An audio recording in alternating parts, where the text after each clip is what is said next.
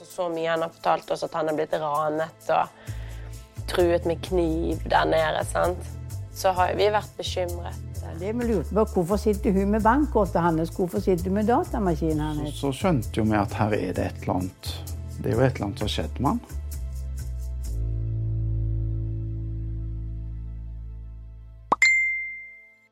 Når du får eh, mail fra noen, eller en melding på Facebook, eller en chat, hvordan vet du da at meldingen faktisk kommer fra den personen du tror? Tja, du ser eh, avsenderadressen eller navnet på profilen.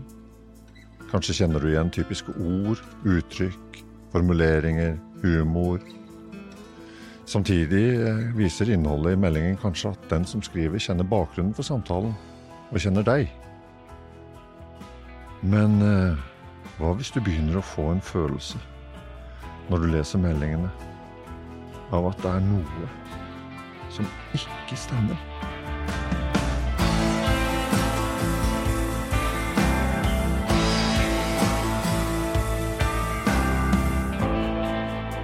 Fra Stavanger Aftenblad Savnet. Mannen med den tomme graven.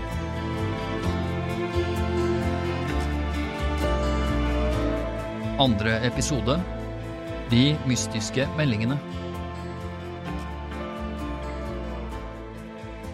Tidlig i 2014 begynner en forvirrende og vanskelig tid for familien Sandanger.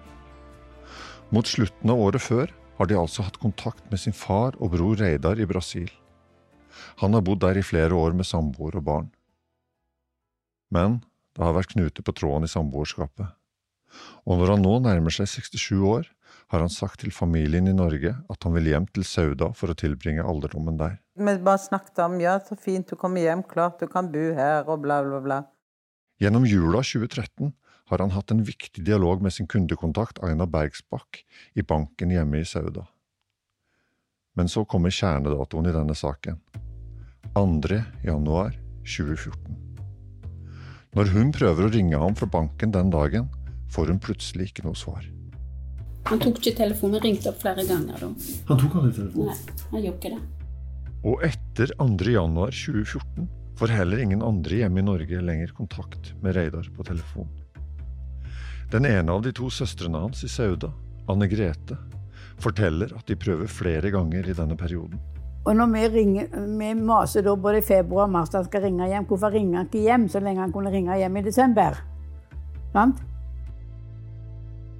Samtidig så er det jo slik at familien er vant til at Reidar har et omflakkende liv.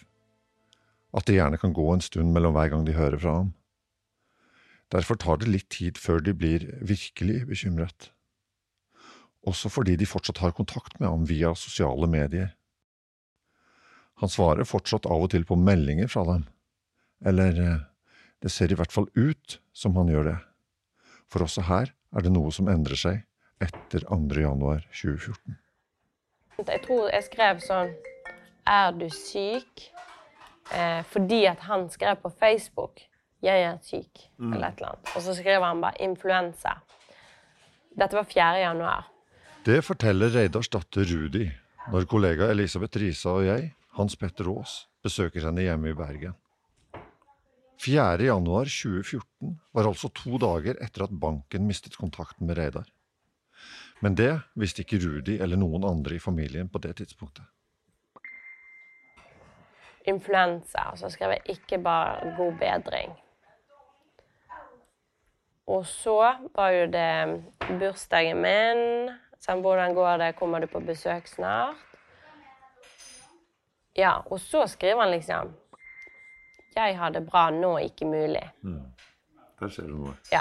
Og så er det litt rart at det var i bursdagen min, og han svarte meg på at det kommer sånn 'gratulerer med dagen' eller et eller annet. Det var veldig, han, tok, han tok kontakt når jeg hadde bursdag, i hvert fall. Um, og så begynner de der merkelige meldingene, sant? Alt godt, jeg vil ikke ønske å leie en strandhus her, OK. Ingen bursdagsgratulasjon. Og setninger som dette. Jeg vil ikke ønsker å leie en strandhus her. Er det Reidar selv som skriver disse meldingene? Eller er det noen andre? Siden Reidar ikke svarer på telefonen, prøver Rudi å finne det ut med andre metoder. Så begynner jeg å skrive, for jeg skjønner jo at han skriver ikke på norsk. Så skriver jeg eh, litt sånn dialekt, saudadialekt. Sånn, oh, ja, Sånn så du ville koselig. teste? Ja, så skrev jeg bare sånn Hvordan er formen din, da? Dette spørsmålet får Rudi aldri svar på. På chatten blir det stille noen dager. Og så, 3. februar, så begynner han. Hei, Gulle. Om mulig låne 15 000 kroner. Hilsen pappa. Hei, Gullet. Dette er en merkelig melding. For uh, Gullet, det er noe Reidar pleide å kalle datteren sin. Men samtidig ber han altså om å få låne penger fra henne. 15 000 kroner.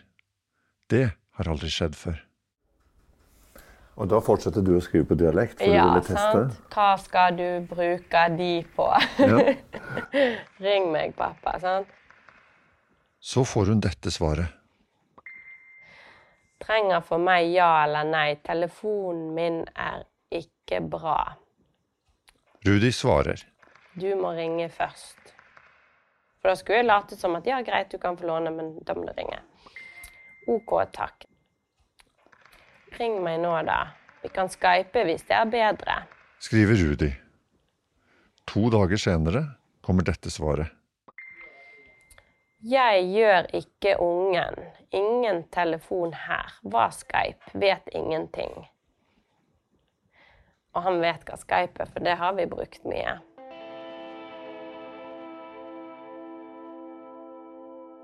På dette tidspunktet, i månedsskiftet januar-februar, visste ikke familien i Norge at noen i Brasil helt siden tidlig i januar hadde tatt ut penger fra Reidars konto. Var det Reidar selv? Eller var det noen andre, som også hadde tilgang til PIN-koden på bankkortet hans? I samme tidsrom, de første ukene i 2014, opplever Reidars niese Kristina en påfallende endring i dialogen med onkelen sin. Like før jula 2013 hadde Reidar kontaktet henne på chat fra Brasil for å fortelle at han planla å flytte hjem til Sauda på nyåret når han ble pensjonist. Han hadde spurt om han kunne få bo på loftet i et hus Kristina eide der.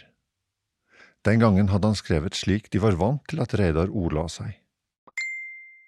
Du skjønner det, at jeg lurer på å flytte til Sauda i januar. Her er umulig å bo når man eldes, dårlige sykehus, systemer lignende, veldig usikkert alt. Flytter alene, og jeg lurer på hvor jeg kan bo. Hvordan ligger det an på huset på byen?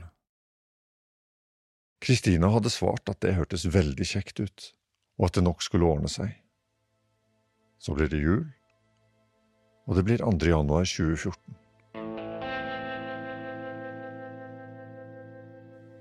Noen dager senere får Kristina en ny melding fra Reidar. Meldingen består av et avsnitt som er skrevet to ganger, med noen små forskjeller. Jeg går ikke til Norge. Adela ikke ønsker. Familien min her. Takket være alle snakker til meg. Reidar. Jeg går ikke til Norge. Gjør Adele ønsker ikke. Familien min her. Takket være alle snakker til meg ok.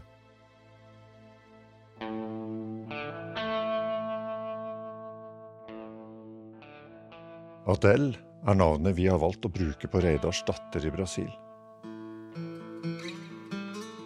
Og slik, med en gebrokken chattemelding, er det altså at familien får beskjed om at Reidar ikke kommer til Norge likevel, slik han hadde fortalt dem bare noen uker tidligere.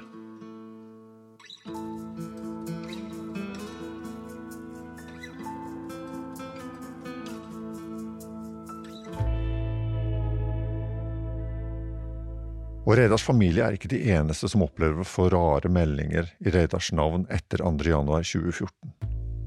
januar 2014. Også kolleger og andre venner får meldinger der ordvalg og setningsbygging ser ut til å være skrevet av noen som ikke snakker norsk. De ligner mer på noe som har blitt oversatt fra et annet språk via nettet, og har også et innhold som er svært ulikt Reidar forteller sønnen Preben. Så var det 10. januar 2014. Hei, står til, for da snakket jeg allerede med henne i desember på telefon. Ja. Og så prøver jeg å få tak i henne igjen, og da, da skjer det masse merkelig på hans profil. Eh, og Det sier jo hele familien min, at de forholder seg til at det, det er unormal aktivitet på far min sin Facebook-profil. Det kommer unormale statusoppdateringer som han aldri benytter seg av. Reidar føler seg glad. Reidar føler seg trist. Sånne enkle ting som han aldri legger ut. Eh, han legger ikke ut noe om følelseslivet sitt. Og flere får spørsmål om å sende penger. Beløpet 15 000 kroner går igjen. For denne personen som da har utgitt seg for å være han, har jo bare liksom bare tatt kontakt med helt random folk pappa ikke har sett på flere år. Sant? Og bedt om penger og sånn. Så det er litt eh, Det hadde jo min far aldri gjort, i hvert fall. Kollegaer, altså? Eh, ja, tidligere kollegaer eller bare bekjente fra Sauda. Sånne ting. Så folk må jo ha tenkt at jeg har klikket helt for han. Sånn. De to søstrene til Reidar, Bjørgnina og Anne Grete i Sauda, forteller hvordan de håndterte dette. Det kom noen meldinger Det var rare, så jeg reagerte på det. Så sier jeg liksom Nei, det Jo, men jeg reagerte. De var gebrokken, det var feil oversatt. Det sto punktum mellom jeg, punktum Altså, han hadde ringt meg, for det Sant? Så begynte det å komme meldinger. Og det var å låne penger. Og, og, de var ikke skrevet på norsk. Det var sånn gurgelskrift. Mm. Og dette her begynte å skurre litt. Og så Så spurte du meg hva vi skal gjøre. Så, skriver, så sier jeg til deg svar ja, men at han må sende kontonummeret sitt. Ja. Nei, Først sendte vi en melding med at eh, vi sitter og diskuterer. Kan du huske hva far til, til beste heter? Bare, sånn Bare for å sjekke. Mm -hmm. Det kom aldri svar på. Og så var det det at vi, vi, sa eh, det er greit, bare send kontonummeret. Og så kom fødselsnummeret. Hele personnummeret. Person, hele personnummeret ja. hans kom. Sant? Han ser, vet jo forskjell på kontonummer og personnummer.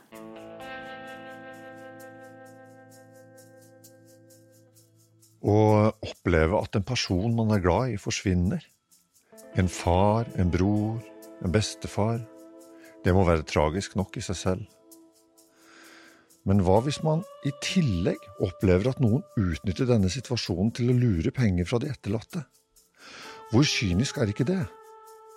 Og hvis noen først er så kyniske, kan man da utelukke at de samme som har stjålet identiteten, også kan ha hatt noe med selve forsvinningen å gjøre? Disse spørsmålene dukker raskt opp i saken om Reidar Sandangers forsvinning. Det er noe av det som gjør at vi i Aftenbladet begynner å jobbe spesielt med denne saken. Det som hadde vært utrolig greit nå, vet du, mm. det var jo om vi hadde kunnet søkt på det. Han skriver jo telefonnummeret sitt. 0032. Det er en plass hvor han jobber. Han er tagga i en post. Jeg mener det var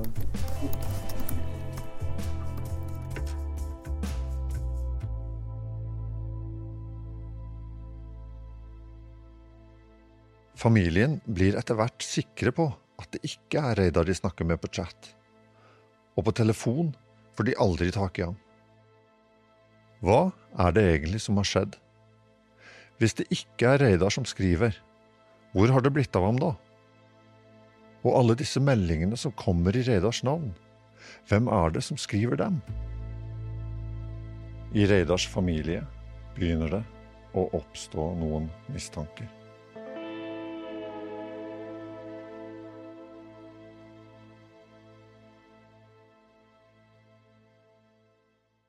I Brasil hadde Reidar altså hatt en samboer. Hun har i denne historien fått navnet Paula, og to barn. Reidars og Paulas felles datter Adele, og den eldre datteren som Paula hadde da de to møttes. Nå hadde Reidar riktignok fortalt flere at samboerforholdet var slutt. Det siste året hadde han tilbrakt det meste av tiden på Kapp Verde heller enn i Brasil når han ikke var på jobb ute på sjøen.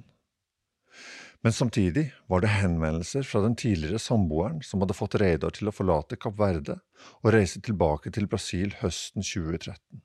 Så hadde visst hun sagt at moren hennes var veldig syk og måtte operere og sånn. Det forteller blant andre Reidars datter Rudi. Mellom Reidars familie i Norge og familien hans i Brasil var det relativt lite kontakt, både på grunn av den geografiske avstanden og språkbarrieren mellom norsk og portugisisk. Men noe kontakt hadde de, eksempel da den nye datteren ble født. Det fikk vi nå vite ganske Ganske tidlig. Ja. Drikka jo babytøy og sendte ned og Ja, ja da. Vi fikk jo masse bilder òg da når hun var, akkurat var nyfødt og han tatt der nede. Fortalte han noe om, om hvordan han opplevde det å skulle bli far igjen? og Var han klar for det, liksom? Eller? Ja, det var voldsomt stas, det husker jeg. I 2008 besøkte også Rudi sin far i Brasil. Hun fikk et godt inntrykk av farens brasilianske samboer. Hun var liksom sånn mor, hun var så koselig og sånn, så jeg trodde jo hun var sånn kanskje nærmere 50. Men det viste seg at hun var jo bare sånn i 30-årene, liksom. Så hun, var heller mer overrasket av at eh, dette trodde jeg var seriøst, da. Fordi at hun var ikke den typiske unge damen som han hadde funnet før. Sånn som når han bodde i Spania òg, så var det veldig unge damer der òg som jeg møtte. Så kommer altså 2. januar 2014. Datoen da Reidars familie i Norge mister kontakten med ham, bortsett fra på chat, der meldingene bare blir rarere og rarere. Uvenner med en e-post om dette, fuck. Sant? Og da er det kanskje ikke så rart om man begynner å tenke. Hvem er det, utenom Reidar selv, som lettest kan ha tilgang til hans brukernavn og passord på sosiale medier? Til hans fødsels- og personnummer? Og hvem er det som kan vite sånne ting som at han pleier å kalle sin norske datter Rudi for Gullet? Etter hvert begynner flere i familien å mistenke at den som skriver meldingene på et annet språk, og oversetter dem til norsk via nettet, er Reidars ekssamboer i Brasil. Det gjør også Rudi, selv om hun har møtt henne og i utgangspunktet fikk et godt inntrykk av henne. Så jeg kunne liksom ikke sett for meg at hun hadde gjort noe. Hvis du skjønner. Ja, når, når far din forsvant, så tenkte du ikke Jo, jeg tenkte jo det på grunn av at uh, de der Facebook-meldingene, sant. Men jeg tenkte jo ikke at det hadde skjedd noe. Jeg tenkte jo kanskje hun bare brukte kontoen hans, kanskje. Derfor bestemmer Rudi seg for å gjøre to ting. I tillegg til å fortsette å prøve å komme i kontakt med sin far, velger hun å konfrontere Paula i Brasil med mistankene om at det er hun som står bak både meldinger i farens navn og oppdateringer på Reidars Facebook-side.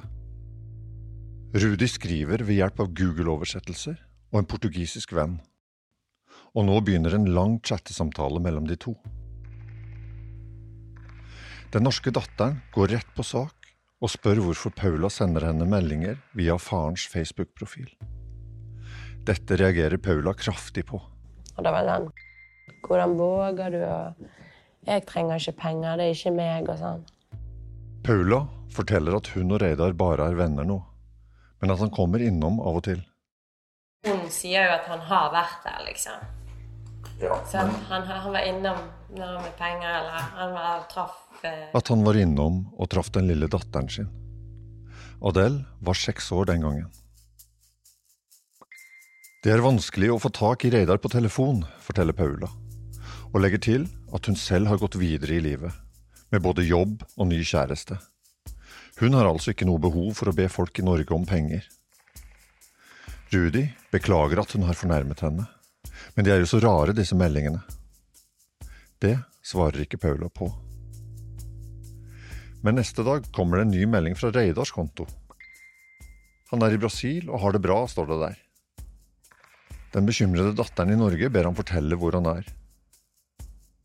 Svaret fra faren, eller den som utgir seg for å være han, gjør henne ikke akkurat klokere.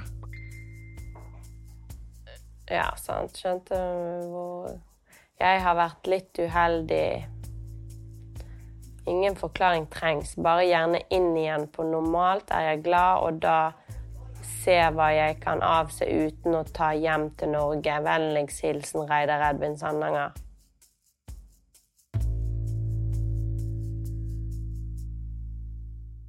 Selv om Rudi forsøker å få ham til å ta kontakt igjen, blir det stille. De neste par dagene hører hun verken fra faren eller Paula i Brasil. Så Rudi skriver til Reidar igjen. Hun forteller at familien i Norge nå er så bekymret at de vil ta kontakt med politiet om han ikke ringer. Ikke lenge etter får Rudi en melding. Men ikke fra faren. Den kommer fra Paula og inneholder oppsiktsvekkende opplysninger. Paula skriver at hun denne dagen har vært og besøkt Rudis far i Ponta de Pedras, en liten strandby nord for Recife. Der har han leid et hus. Selv har Reidar solgt en av sine leiligheter til Paulas bror, og har derfor god økonomi. Din far trenger ikke penger. Han har masse penger, for han har solgt leiligheten til min bror, skriver Paula. Da hun eh, besøkte ham, skal Reidar også ha kommet med en forklaring på de rare meldingene, skriver Paula. Reidar mente det var en kjæreste han hadde hatt på Kapp Verde som sto bak. Hun hadde nemlig hatt passordene hans. Paula gjentar at hun ble såret av beskyldningene fra Norge, og at hun ikke er så dum at hun sender meldinger på vegne av Reidar når han er i nærheten av henne. Rudi ber umiddelbart om adressen dit Reidar befinner seg. Paula svarer at hun ikke kjenner adressen, hun vet bare hvor det er. Det er et stykke å reise fra Recife, men for Rudi sin skyld tilbyr Paula seg å dra dit en gang til, en gang det passer. Rudi bestemmer seg for å gjøre en ny test, og skriver at hun uansett har noen penger faren kan få låne, men at hun ikke vil sende dem uten å ha fått snakket med faren først. Paula svarer at hun ikke vil involveres i dette, men at hun kan bidra til å opprette kontakt med Reidar. Hun sier også at Reidar har lovet å komme innom Paula og døtrene når han har bursdag en uke senere. Dette er nesten to måneder etter den siste sikre kontakten med Reidar. Datoen er 26. februar 2014, den dagen Reidar fyller 67 år og blir pensjonist. Litt utpå dagen skriver Rudi til Paula og ber henne sende en melding når Reidar har kommet. Litt senere kommer svaret fra Paula. Hun forteller at Reidar likevel ikke kom den dagen, og at den lille datteren deres var lei seg for det. Men i stedet hadde han vært innom et par dager tidligere. Rudi spør Paula om Reidars reaksjon da han fikk høre at familien i Norge trengte å snakke med ham.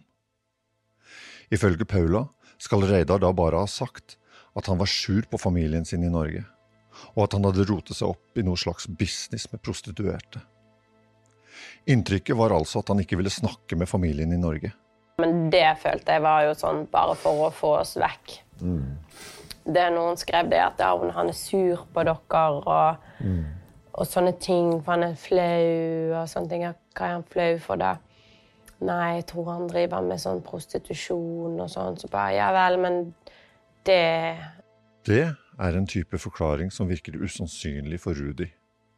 Såpass åpent som Reidar hadde fortalt både henne og andre om ting han hadde vært med på opp gjennom livet, visste de at noe kontakt med prostituerte ikke ville være nok til å gjøre ham flau overfor dem. Altså, han hadde bare latet som ingenting. Jeg ser liksom ingen grunn for at han skulle brutt kontakten med oss. sant? Nei, Han måtte jo vite liksom at hvis jeg nå bryter, så blir selvfølgelig du og andre i søster og sånn blir jo kjempebekymra. Ja, selvfølgelig. Og det hadde han nok tenkt på. Og han vet jo det at det var sånne ting vi var redd for når han drev og reiser. Altså, så mye han har fortalt oss at han er blitt ranet og truet med kniv der nede. sant? Så har vi vært bekymret. Eh. Det var nemlig også noe Reidar flere ganger hadde opplevd på sine reiser. Å bli ranet. Og da var det gjerne ikke pengene han var mest redd for å miste. Det var en eller annen gang han hadde gått ned mot stranden. Han skulle ta ut penger, eller noe sånt, og så skjønte han sjøl i det sekundet han gikk der han gikk, at der skulle ikke jeg ha tatt den snarveien, liksom. Og han følte det på seg, og så kom det selvfølgelig noe med kniv. Og så tok de liksom pengene hans, og så tok de mobilen hans, og så når de liksom da løp, så bare skrek han etter de sånn SIM-kortet mitt, liksom. Og da hadde de liksom pilt det ut og kastet det på bakken, liksom. Så det fikk han igjen? Ja. Hva med SIM-kortet?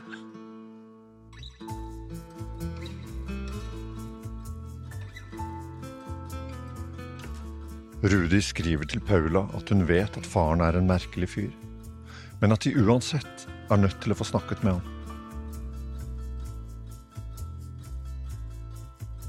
Men ukene går, og familien i Norge får fremdeles ikke telefonkontakt med Reidar.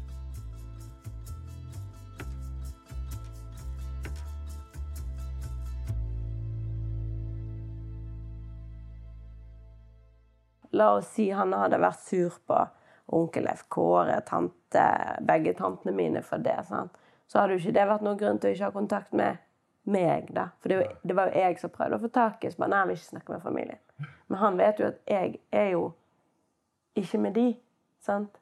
Og ikke minst Han hadde jo aldri tatt det og ikke hatt kontakt med rederiet eller banken eller sånne ting. Han hadde jo fortsatt tenkt på det økonomiske.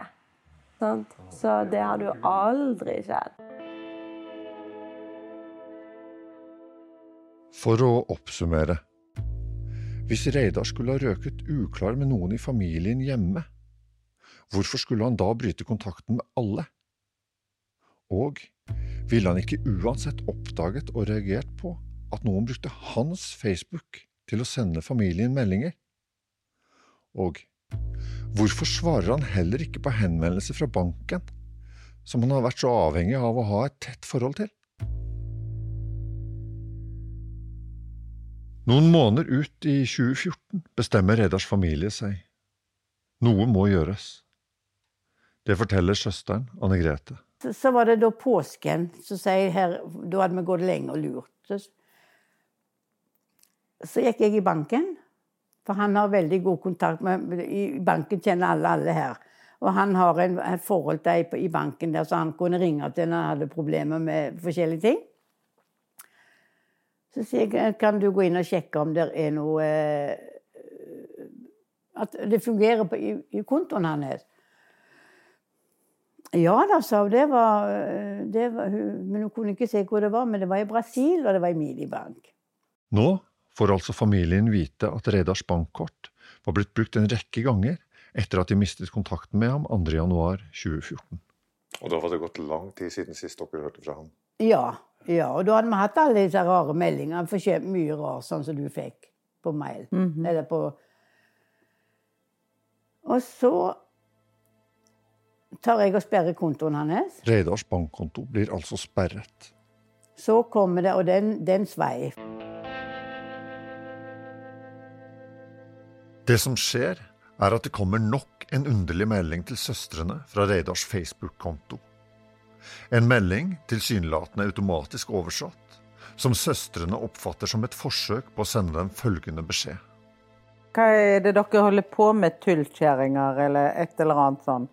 Skal vi ikke ha mat? Det var noe sånt. Skal vi ikke ha, skal vi ikke ha noe å leve for i ja. påsken? Ja. kom det en melding mm -hmm. da. Men hadde det vært Reidar og, og, og, og, sånn, så hadde jo ikke han godtatt, godtatt det. Da hadde han ringt. Han hadde ringt. Han hadde ringt da. Ja. Og så begynner, så begynner, hun å sende melding til, til Leif Kåre.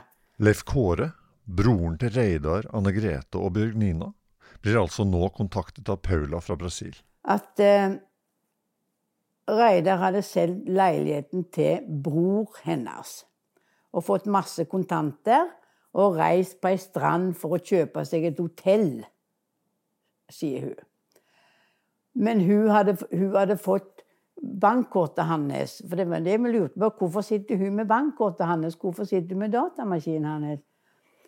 Hun hadde fått det, det, bankkortet for å ha noe å leve av, sånn at det, får, Nei, det harmonerte ikke. Nei. Leif Kåre døde i 2016, men var altså fremdeles i live da Reidar forsvant i 2014. Han eh, chattet mye med Paula i forsøket på å få kontakt med Reidar, men fikk høre fra henne at Reidar hadde blitt irritert da hun ba om kontakt med familien i Norge. Jeg er ikke et barn, skal Reidar ha sagt. Paula mente hun ikke kunne tvinge ham til å ringe noen i Norge, men sier at hun i hvert fall ber ham om å ringe. Ja, hvorfor gjør han ikke det? spør Leif Kåre. Loco, svarer Paula. Reidar har blitt gal.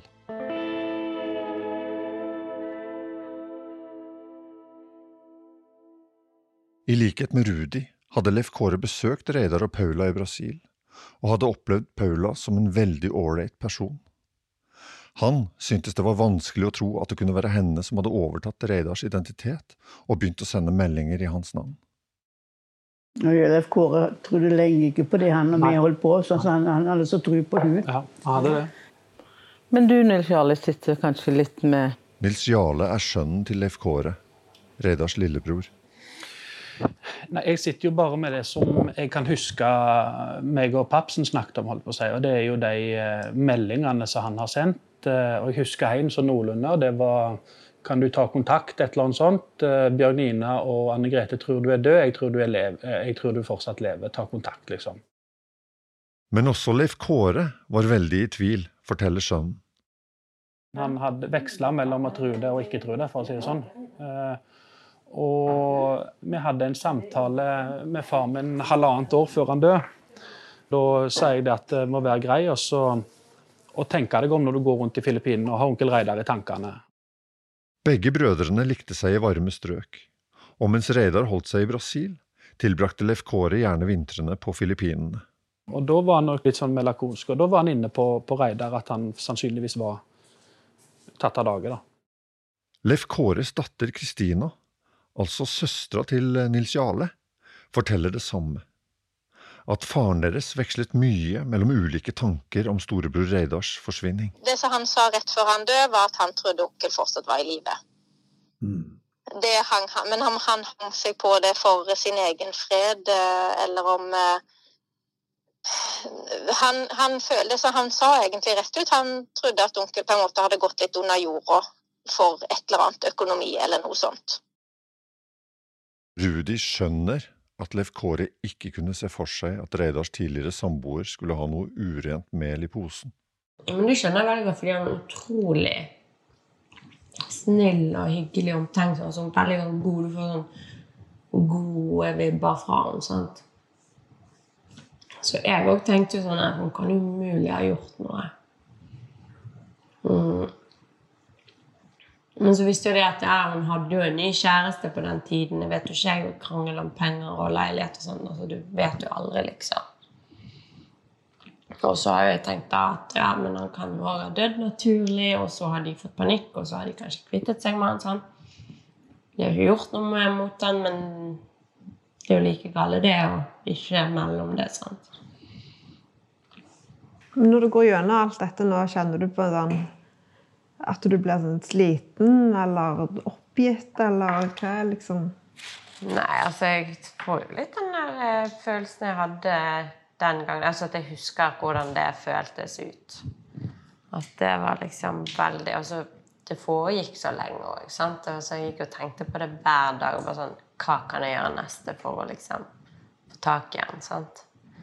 Um, så det var jo veldig slitsomt og lei, lei meg. Eh, men jeg ville liksom bare ha svar, først og fremst. sant? Når var det du skjønte at um, han lever ikke lenger? Mm. Det må ha vært sånn i april, når hun sluttet å ta kontakt. Altså, jeg visste jo det ikke var han som tok kontakt, men jeg tenkte jo noen kan jo ha brukt og hacket inn på han. Eh, men eh, når hun liksom sier at han kommer, og så kommer han aldri, og sånne ting og, det med pengene, at kortet Jo, det var vel når vi sperret kortet, at ikke han ringte og var illsint for at Hvorfor har dere sperret kortet mitt? liksom, sant? Det var jo det jeg håpte på skulle skje, at han skulle ringe sjøl og bare sånn klikke. Fordi at eh, vi jo hadde vært så dumme og sperret kortet hans. Så da gikk du rundt og venta litt på telefonen, da? Ja. Sant? Men istedenfor så kom jo det fra hun. At hvorfor dere sperret kortet? Så ja, jeg skjønte jo egentlig ganske kjapt at, eh, at uh, han ikke var her lenger. Så Nei, det var tøft. I hvert fall når liksom ikke kan gjøre noe. Og det er Brasil, sant. Hadde det vært her, eller til og med i Europa, så føler jeg hadde jo bare reist ned og liksom bare banket på døren. liksom. Eller USA, eller Ja, Sånt Et litt mer sånn vestlig land, da. Og så hadde jo vi håp òg, at det kanskje var sånn eventuelt at noen skulle til slutt ta kontakt og bare 'Vi har din far. Eh, gi oss penger.' Eller Jeg håpte jo nesten på det. At det kanskje var en kidnapping eller noe sånt, for da hadde jo vi på en måte fått vite noe. Men her sant, svarte aldri, og så kunne han plutselig skrive noe helt annet og sånne ting. sant? på dårlig norsk. Dårlig norsk, ja, sant? og så måtte jeg nesten også prøve å late som at ja, jeg kan gi deg penger. Selv om jeg ikke hadde gjort det, for jeg visste jo at det ikke var han. Bare liksom bare for å få litt eh, info, da. Men eh,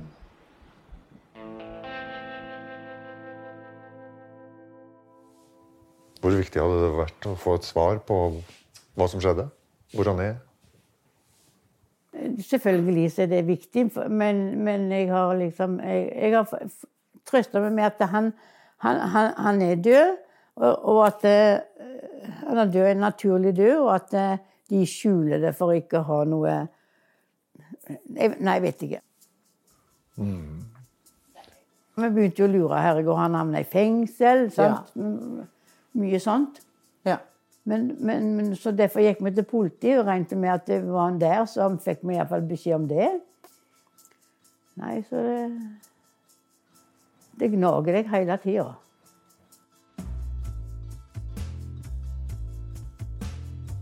Det var i midten av mars 2014 at familien gikk til politiet med saken. Da var de sikre på at noe hadde skjedd med Reidar. Jeg tenker sånn, Enten har det skjedd noe kriminelt, eller så har han dødd naturlig. Men hvis han har dødd naturlig, så er det i hvert fall noen som har kvittet seg med han. Sant? Prøvd å skjule det. Istedenfor å ta kontakt med oss og si 'Hei, din far er død. Dere må hente han', eller et eller annet sånt. Nei, jeg tror han kan ha blitt drept, jeg. Ja. Han er i hvert fall, noen vet noe. Ja. Noen skjuler noe.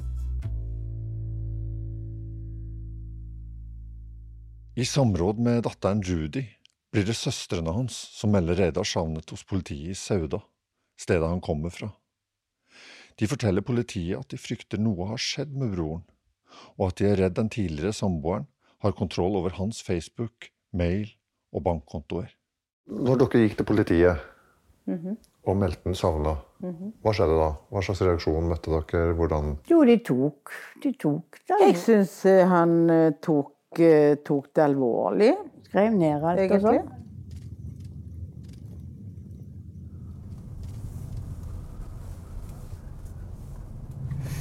Nå kommer vi ned til Hotell Grand her nede. Så ligger politistasjonen inne her et eller annet sted. Der ser du lensmannskontoret.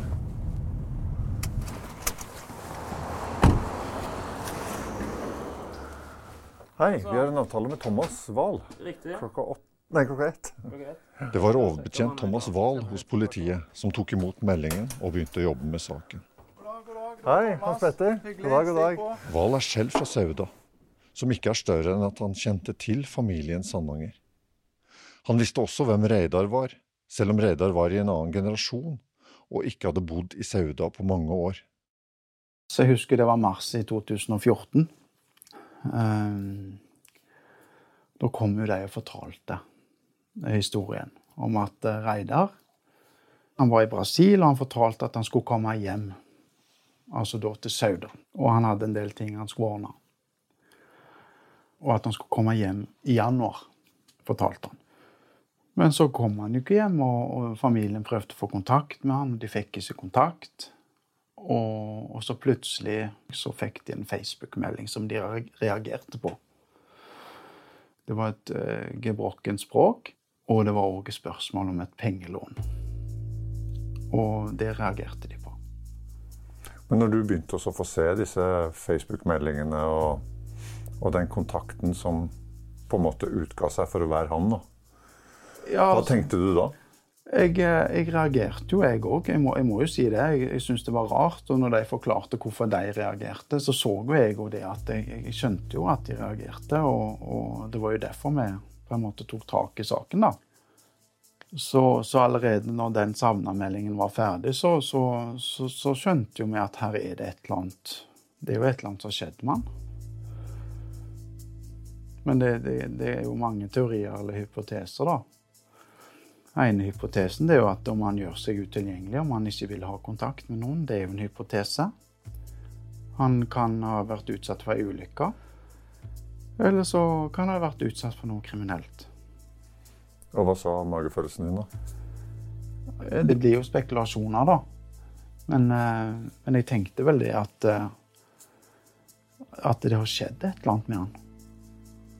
Og da, da tolker jeg dit hen at du mener det er mest sannsynlig at det har skjedd noe kriminelt? Ja, jeg, jeg, jeg, jeg kan vel si det. Det var, det var liksom Jeg heller mest til det, ja.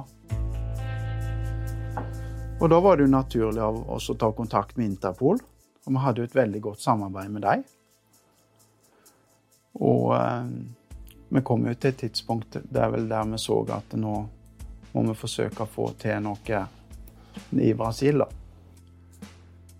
Etter som jeg husker, så var det jo både taktiske etterforskningsskritt og tekniske etterforskningsskritt som, som vi mente da var fornuftige å gjennomføre da i Brasil.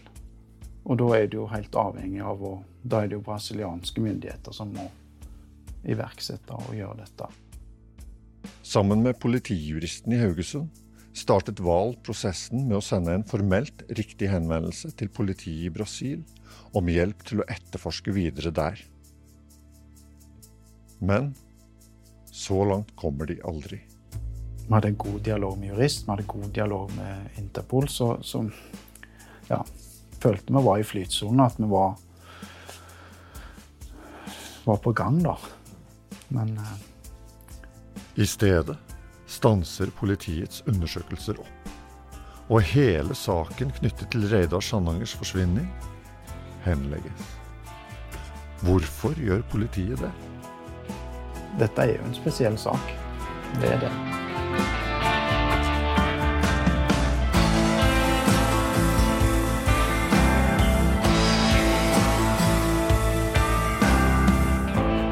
Neste episode Politibrevet som aldri ble sendt. På nettsiden vår, aftenbladet.no savnet, finner du mye mer om denne historien. Savnet, mannen med den tomme graven, er laget av Hans Petter Aas og Elisabeth Risa. Med manus av Rune Vanvik og Hans Petter Aas. Philip Blau har bidratt med lydrensing mens Liv Stueland og Thomas Torgersen Skretting har bidratt til transkribering av opptakene. Meldingene fra Reidar leses av Leif Åmund Hoftun. Nesten all musikk i serien er hentet fra låten 'Missing', spesiallaget av Ståle Melberg og Hans Petter Aas i Lupo The Wolf, med Tor Anders Voldsund på ekstra gitarer.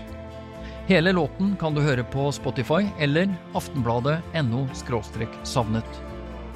Redigering, lyd- og musikkdesign er gjort av Rune Vanvik, og redaktør Tarald Aano har ledet arbeidet med Savnet. Ansvarlig redaktør i Stavanger Aftenblad er Lars Helle.